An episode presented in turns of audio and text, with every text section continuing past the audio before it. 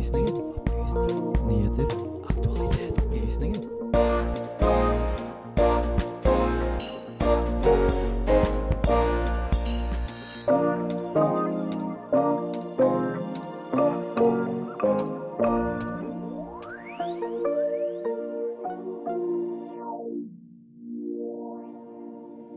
Rappgruppen Karpe får kritikk for tidligere ordbruk. Tidligere president i Sovjetunionen, Mikhail Gorbatsjov, døde på tirsdag. Hvem var Gorbatsjov? Vi har også tatt en titt på konflikten i Etiopia, i Tigray-provinsen.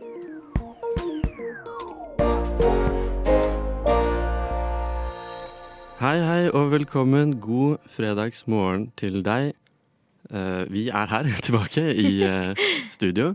Mitt navn er Benjamin Nortemø, og med meg her har jeg Emma Nordstein. Emma Nordstein. God morgen, Emma. God morgen. Har du gjort noe spennende i dag? Um, nei, ingenting faktisk. Eller jo, jeg fikk uh, servert uh, gårsdagens middag varma opp og klar til frokost i dag av min kjæreste. Nei, hva var det for noe? Det var um, tortellini med pesto. Så Det hørtes veldig godt ut. Ja, det var amazing. Det er jo enda bedre varma opp dagen etterpå, syns jeg. Mm, nemlig, nemlig. Vi har en eh, fullpakket eh, sending i dag. Jeg tror det er veldig spennende. Vi skal liksom innom mye forskjellig eh, Det er både utenriks og ting som er nærmere, nærmere hjemme. Før vi går i gang med disse store, store temaene vi har for oss i dag, skal du få høre en låt, tror jeg.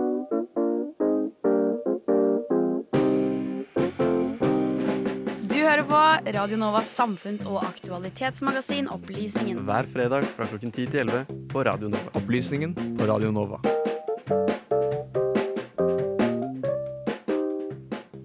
Ja, vi skal inn i vårt, eh, vårt første materie. Karpe, altså rappduoen Magdi og Chirag. De fikk nylig kritikk for ordbruk i eh, en rekke av deres eldre album. Kritikken går ut på bruk av homofobiske skjellsord, noe Karpe selv har beskrevet som veldig ubehagelig. Det er snakk om ord som eh, gay, homo, homser og bøg. Hvor langt kan man egentlig strekke kreativ frihet og ytringsfrihet? Og er det nødvendig å gjøre slik leder av Skeiv Ungdom eh, insinuerer, og forandre teksten på disse gamle låtene? Det har eh, et par andre store artister valgt å gjøre. Men for å dykke litt dypere i dette, eh, så har vi med oss nå over telefonen Chris fra vår kjære eh, skeive redaksjon. Det ringer. Det ringer. Hallo? Hei. Hei, Chris. Så hyggelig. God morgen. God morgen, god morgen. Fikk du med deg eh, den lille innledningen? Eh, nei, dessverre, det gjorde jeg ikke. Vi snakker altså om Karpe eh, og deres ordbruk eh, fra, fra tidligere. Eh, vi har forberedt et lite miniintervju. Er, er, du, er du cool med det? Jeg er cool med det. Supert. Emma? Eh, ja, Chris, eh, tenker du at eh, den kritikken som kommer opp mot eh, Karpe i saken, er eh, berettiget? Og, og hvordan påvirker det her egentlig skeive i samfunnet? Altså, jeg tenker det er en viktig debatt å ta opp hvilke ord man bruker i sanger. øh, Og så må man også tenke på dette hvorvidt man skal la kunst være kunst, spesielt når det kommer til eldre eh, kunst. Så jeg tenker det er viktig at vi tar opp eh, diskusjonen om hvilke ord man skal bruke. Og så bør man også tenke over i hvor stor grad man skal em, endre på ting som eksisterer, uh, og heller kanskje se videre på hva man kan gjøre videre uh, for nye låter, og hvordan man eventuelt uh, presenterer gamle, foreldrede låter um, live. At man da kanskje eventuelt ønsker å gjøre noen endringer der, da. Burde Karpe trekke tilbake låtene, tenker du, og publisere på nytt? Eventuelt alle, eller dem med de sterkeste uttrykkene?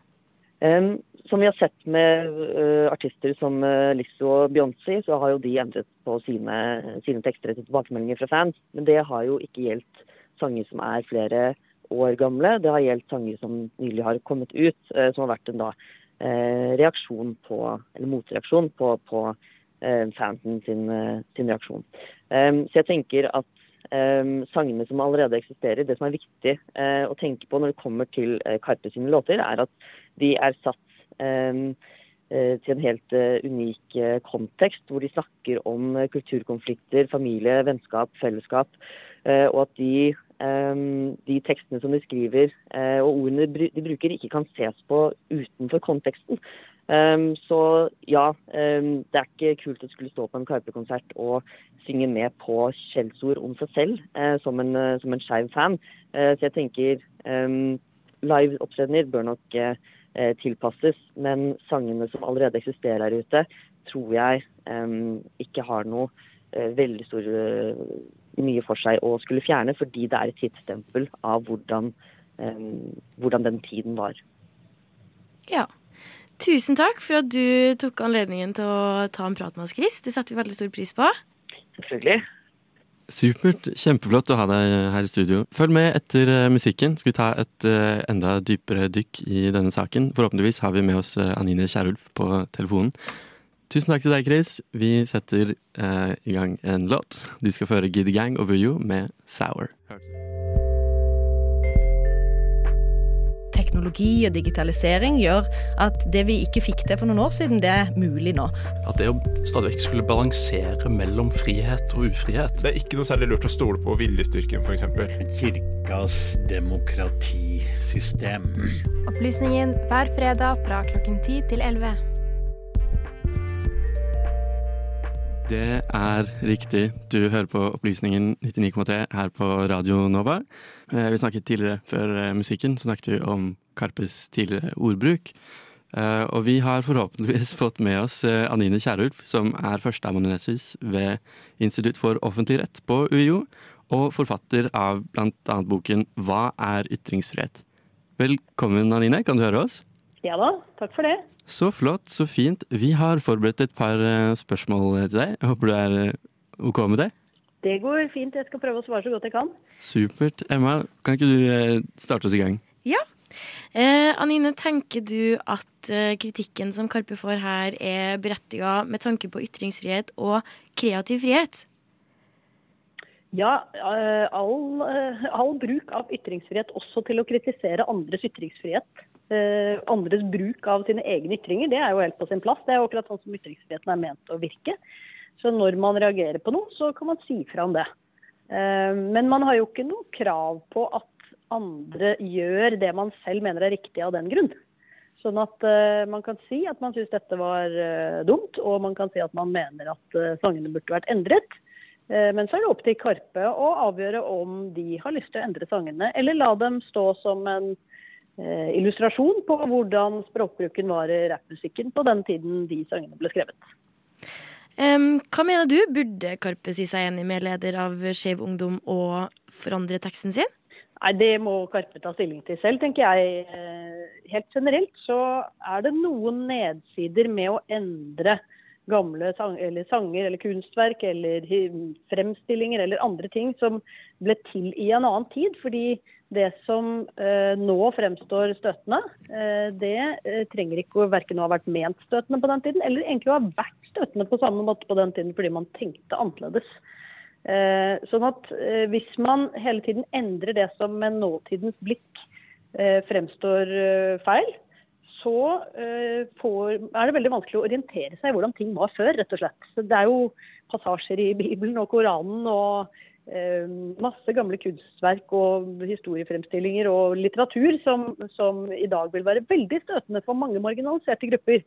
Det tenker jeg kanskje er bedre å bruke som grunnlag for en diskusjon om hvordan verden har utviklet seg, og språkbruk og sensitivitet overfor ulike typer ord utvikler seg. Eh, Og den diskusjonen blir veldig vanskelig å få til hvis man tar bort de historiske hva skal vi si, minnesmerkene og hvordan ting var før.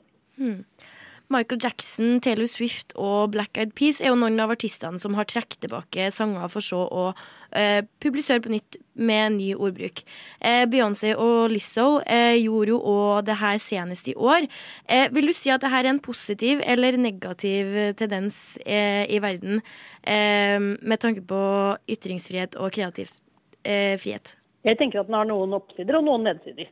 Det som er oppsiden, er jo at eh, folk blir mindre støtt, og flere blir inkludert og tatt vare på.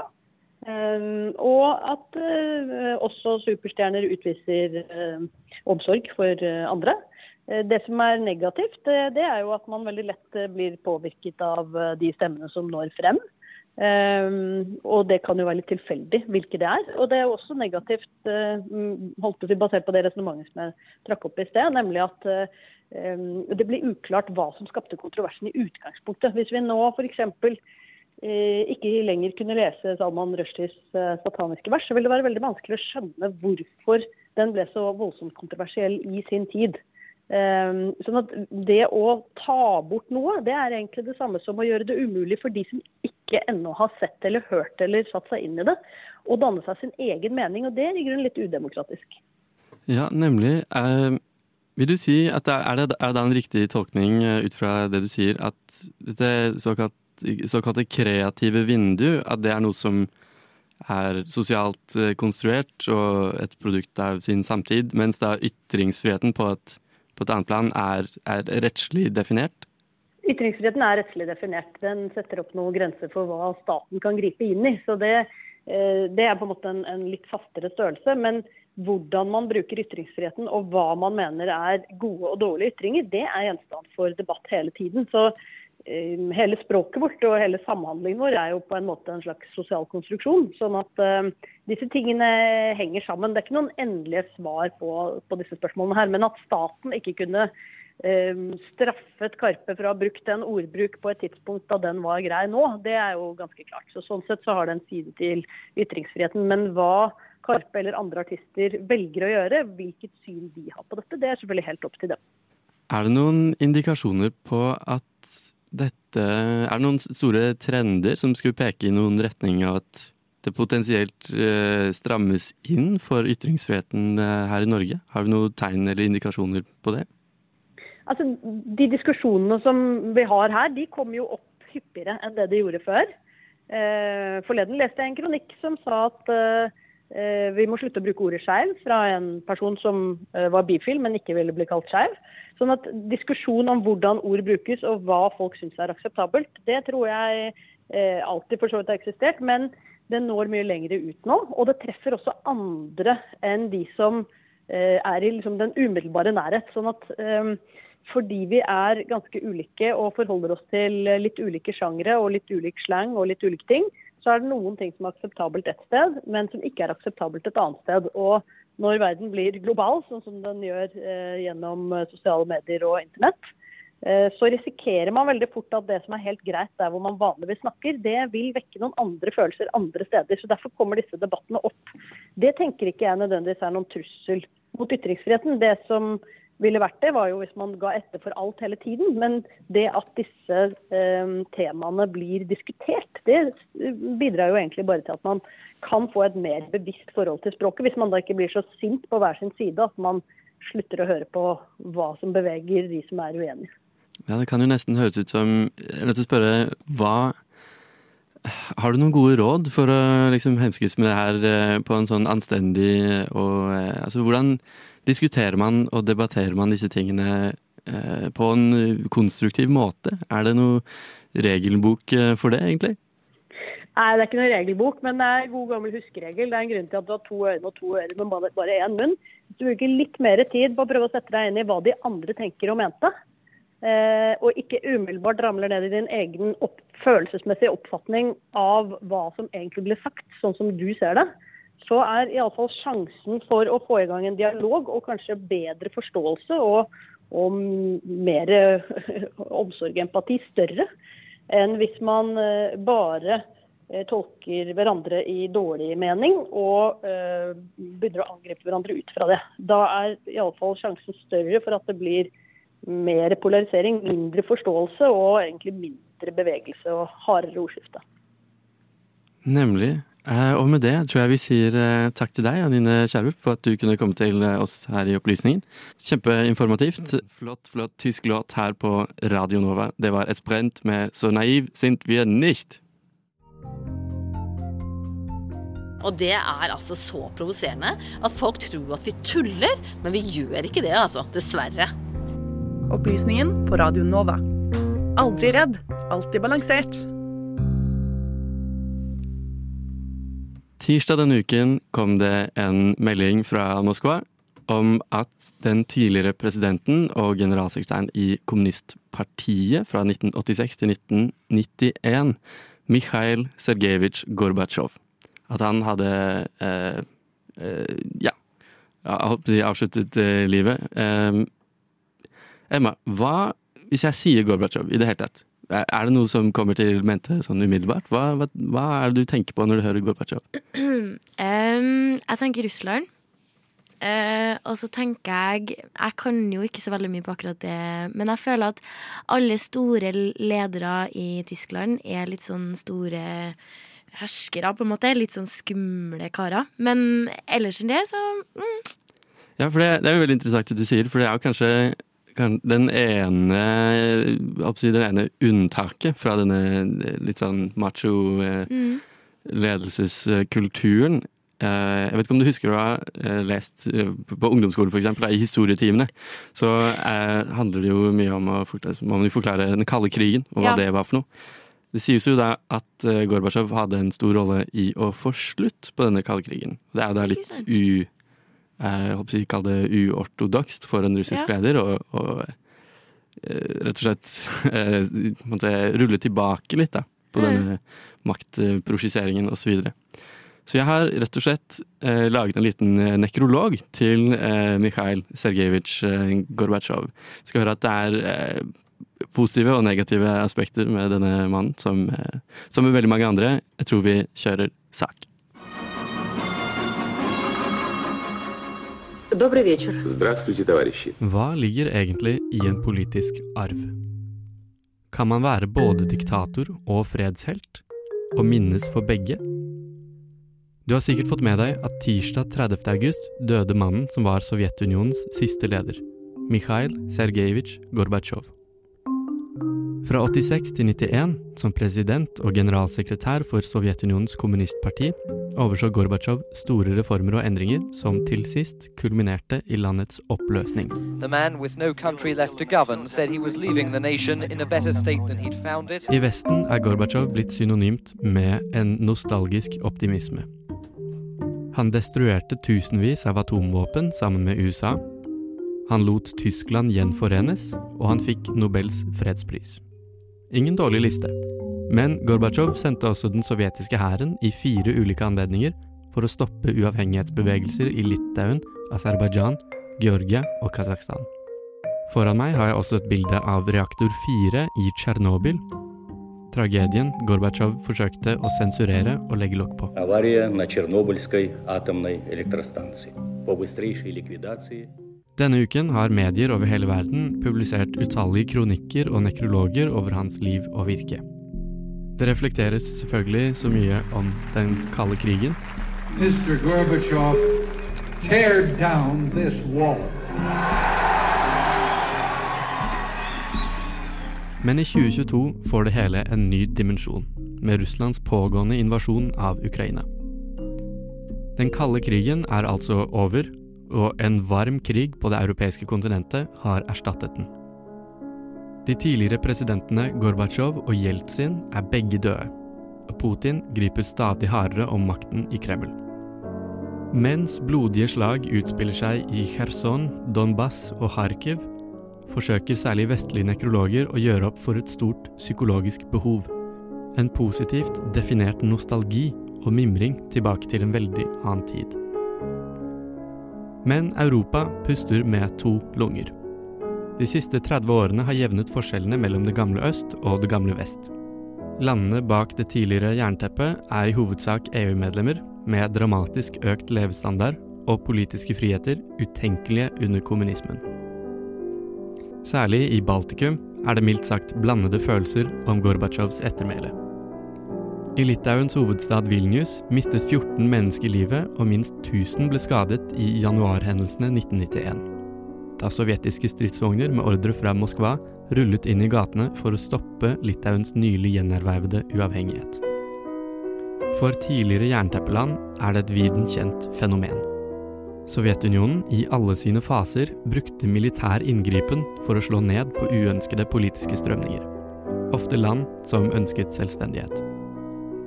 Ungarn, Tsjekkia, Slovakia, Litauen, Moldova, Aserbajdsjan, Georgia, Kasakhstan, for å nevne noen.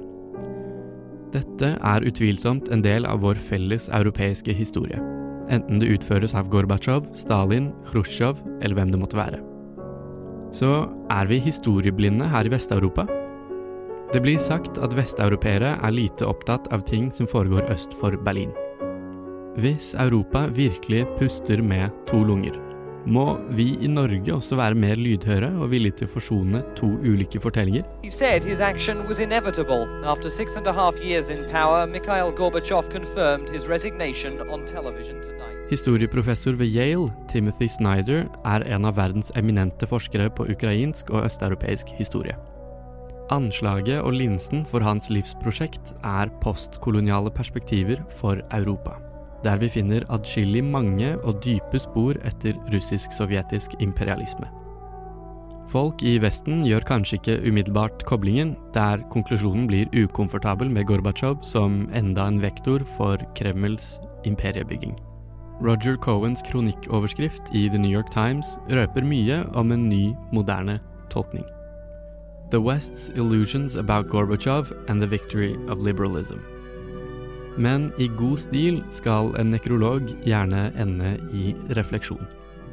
Gorbatsjov får gjerne ære for å ha vært mild. På sett og vis vil han huskes for hva han i hovedsak ikke gjorde. At han valgte reform over maskingevær og gulag.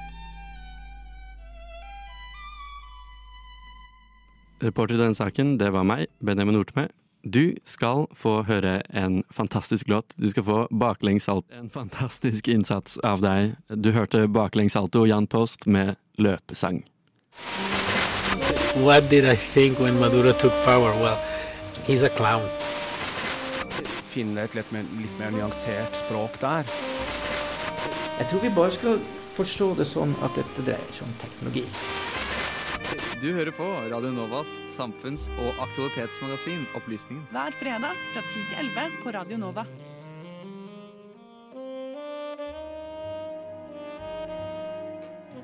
Det er riktig. Du hører på Opplysningen her på Radio Nova. Vi skal ta et eh, stort skritt fra den gamle Sovjetunionen til Etiopia. Eh, Etiopia er jo et av Afrikas mest eh, folkerike land. Men det er kanskje ikke det eh, som Det er jo ikke det som er i nyhetene. Eh, I Etiopia er det en borgerkrig. En pågående humanitær krise av eh, ganske store dimensjoner. Eh, leser her en overskrift i BBC. Ethiopia Civil War, Why Fighting Has Resumed in Tigray and Amhara. Det er altså snakk om eh, utbryterregioner i eh, nordvest av landet, der det er en, eh, en pågående borgerkrig mellom de sentrale myndighetene og eh, regionale eh, militser, rett og slett. Emma, har du har du noe kjennskap til denne konflikten annet enn eh, at det er i, på forsiden, i nyhetsbildet? Hva, hva vet du egentlig? Um, det jeg har hørt så vidt, på en måte, eh, etter å ja, ha sett er at det er større enn Ukraina. Eh, ganske, uten å overdrive i det hele tatt. Men annet enn det, så eh, bak det Det er vel en ganske Det har foregått ganske lenge. Det er mye som ligger bak. Eh, ganske komplisert. Eh, så ja, nei, ikke så mye mer enn det. Eh, For Etiopia er jo også et eh, land Vi kan da informere våre lyttere om at eh, Etiopia har en lang og trøblete historie med nettopp fenomenet borgerkrig. Det er da ikke første gang det er borgerkrig i, i dette landet. Du snakket om at i, i, skala at det er altså flere pårørende enn i den pågående krigen i Ukraina. Det er også riktig. Eh, Du skal få høre mer om den humanitære krisen i Tigray-området her på Opplysningen. The humanitarian crisis in Tigray is more than Ukraine, without any exaggeration. Disse sterke ordene ble uttalt av WHOs generaldirektør Tedros Adhanom Ghebreyesus for to uker siden, i august 2022. Men hva er det egentlig som skjer nord i Etiopia? For å gi deg en grunnleggende forståelse av konflikten, må vi nesten 50 år tilbake i tid. I delstaten Tigray nord i Etiopia ble TPLF, eller Tigray People's Liberation Front, dannet i 1975. TPLF stiftet sammen med tre andre frigjøringsgrupper Ethiopian People's Revolutionary Democratic Front, forkortet til EPRDF. I denne sammensetningen var TPLF den mektigste og største gruppen. Sammen med EPRDF kjempet TPLF en langvarig krig mot Derg-regimet. Derg var en prosovjetisk, kommunistisk militærgruppe som tok makten i Etiopia i 1974. I de årene Derg-regimet styrte Etiopia, så økte antallet som lærte seg å skrive og lese. Men landet det var òg plaget av sult, økonomisk nedgangstid og politisk undertrykkelse.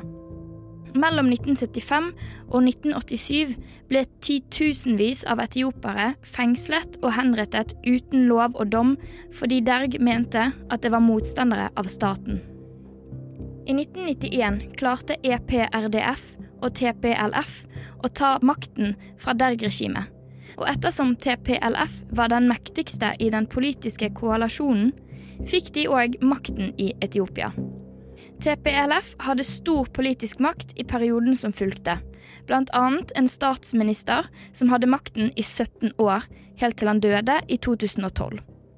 Dette er til tross for at Tigray er en geografisk liten del av Etiopia.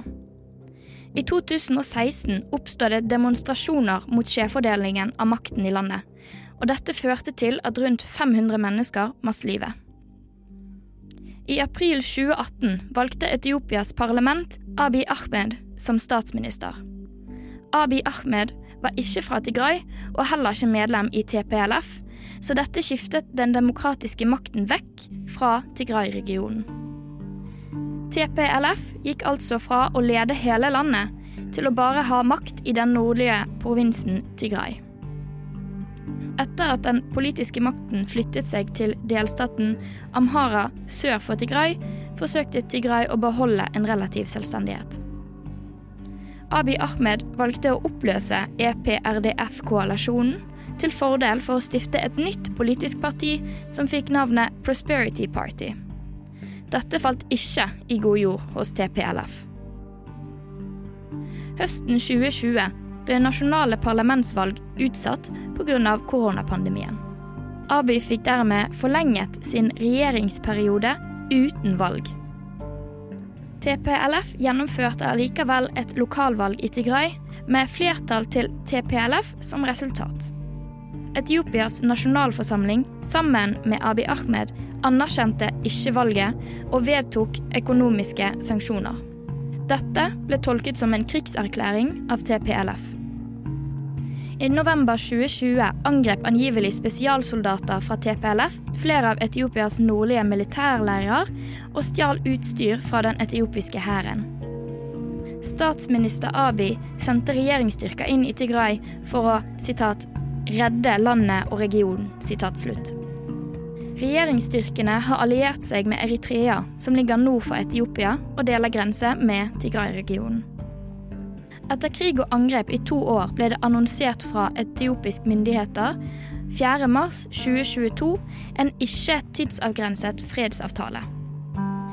Tigray har akseptert avtalen på foreløpig basis. Indirekte forhandlinger mellom partene, tilrettelagt av USA og Den afrikanske unionen, har tydeligvis gitt resultater. Avtalen er avhengig av om humanitær bistand når fram til befolkningen i Tigray. For en uke siden, 24. august, varslet Tigray brudd på fredsavtalen fra mars. Etiopias regjering har imidlertid gjort Tigray ansvarlig for de nye voldelige konfrontasjonene. Selv om krigen som foregår i Etiopia i hovedsak er mellom politiske partier og forskjellige militære styrker, er det som i alle konflikter og kriger den sivile befolkningen det går hardest utover. I Tigray-regionen bor det mellom seks og syv millioner sivile mennesker. Sivile tigrayanere har blitt offer for vold, overgrep og etnisk fordrivelse. Naturen i Tigray består i stor grad av ulendt steinterreng med en rekke fjellkjeder. Mangelen på fruktbar jord og sviktende regn har gjort at regionen er hjemsøkt av alvorlig tørke. Befolkningen har med tanke på denne tørken og isolasjon fra omverdenen som følge av krigen, et stort behov for nødhjelp. Men nødhjelpen sliter med å komme fram, da grensene inn i Tigray er stengt. Det forekommer òg angrep på lastebilene med nødprovianter. Partene de skylder på hverandre når det kommer til hvem som står bak disse angrepene. Og ikke bare er det mangel på mat, vann, medisiner og bensin. Og internett, strøm og telefondekning er koblet av. Dette gjør det vanskelig å få kontakt med lokalbefolkningen, og det er ikke sikkert at vi vet det totale omfanget av den humanitære krisen. Banksystemet i Tigray er òg satt ut av spill, noe som gjør det vanskelig for folket å kjøpe det de trenger. Det er rapportert om at flere kvinner må ty til sexarbeid for å få nok penger til å overleve. FN har slått alarm om økende fare for sultkatastrofe. Amnesty International har varslet om tilfeller hvor det er foregått forbrytelser mot menneskerettighetene. WHOs generaldirektør Theodros Adhanom Ghebreyesus, som selv er fra Tigray, har kalt dette en menneskeskapt katastrofe, og den verste katastrofen som nå foregår på jorden. Jeg lar hans ord avslutte denne saken. The humanitarian crisis in Tigray is more than Ukraine, without any exaggeration. And I said it many months ago. Maybe the reason is the color of the skin of the people in Tigray. I haven't heard in the last five few months, several months now, even a head of state talking about the Tigray condition anywhere, in the developed world especially. Why? I think we know. The only thing we're asking is can the world come back to its senses and uphold humanity? If it's the worst humanitarian crisis, and I'm saying nowhere on earth six million people are sealed off, nowhere. From basic services, from their own money, from telecom, from food, from medicine. This is the worst disaster on earth as we speak. I am from, from Tigray. It's not because from I am from Tigray that I'm saying this. That's the truth. Og reporter i denne saken, det var eh, Lise Marie Skogheim Benus, og det var hentet lyd fra The Guardian. Neimen, Bertilla! Ja? Har du glemt å høre den siste episoden av Opplysningen på Radio Nova? Har nok det. Men da kan du jo bare høre det som podkast når du vil. Det skal jeg jammen meg gjøre! Det er en gøy, eh, en kjempegøy eh, jingle. Vi har kommet til eh, siste post på programmet i dag, og det er ikke nyhetsrelatert i det hele tatt. I det hele tatt. Egentlig et, mer et punkt for, for refleksjon over Er det galt å si? Dype refleksjoner. Ja. Ja. Vi tenkte å snakke litt om, om helgen. Ja. Spennende tema. Helga. Hva er det du skal finne på, Emma? Eh, jeg skal på jobb i dag. Buhu. Kjedelig. Nei, er det så kjedelig? Nei, det er egentlig ikke det. Det er veldig koselig. Eh, I morgen så skal jeg på innflytningsfest. Så gøy. Eh, Er det noen du kjenner godt, eller er det Ja, det er i klassen. Eh, og jeg har blitt så stor og så voksen at em, vi er bedt med date og kjærester. Og det er litt nytt for meg. Nei, ok. Ja, ja, ja. Så spennende. Er det, det er ikke første gang Eller første gang du er på en innflytningsfest med eller, altså, Har alle fått den samme beskjeden? Er det det som er Ja, eller det har liksom eh, Det er et Facebook-arrangement, og så står det liksom på arrangementet at eh, bare ta med kjærester og date hvis eh, dere vil det. Vi fikk ikke invitert alle. Og da ble jeg sånn Oi, nå er jeg gammel. Det kjennes litt, eh, litt voksent. Ja. Men eh, ta med deg en plus one, som Ja. man eh, gjerne sier. Ikke sant? BYOB plus one, eh, RSVP også. eh, ja. Ja. Og da er det jo veldig digg å ha en pluss one. Da er det jo liksom Ja, koselig. Ja. Jeg skal nok eh, ta det litt rolig den helgen. Jeg skal i en middag senere. Gleder meg til det. Middag med venner. Det kan anbefales. Eh, hvis vi ikke har vært på middag med venner før, så eh, snak, snakker jeg veldig varmt. og, eh, varmt eh, og gjerne lenge om det. Ja. Vi har da eh, hatt en forrykende sending her. Jeg har vært Benjamin Nortemø. Med meg i studio har jeg hatt Emma Nordstein. Vi håper, takker, takker vel for oss, og det gjenstår altså, den aller siste tingen. Det vi alltid sier, og det vi aldri må glemme. Det er å minne dere på at det er helg. Dere får ha en god, kjempegod eh, helg. Ja. Så god helg eh, fra oss i studio, og ha det bra. Ha det bra.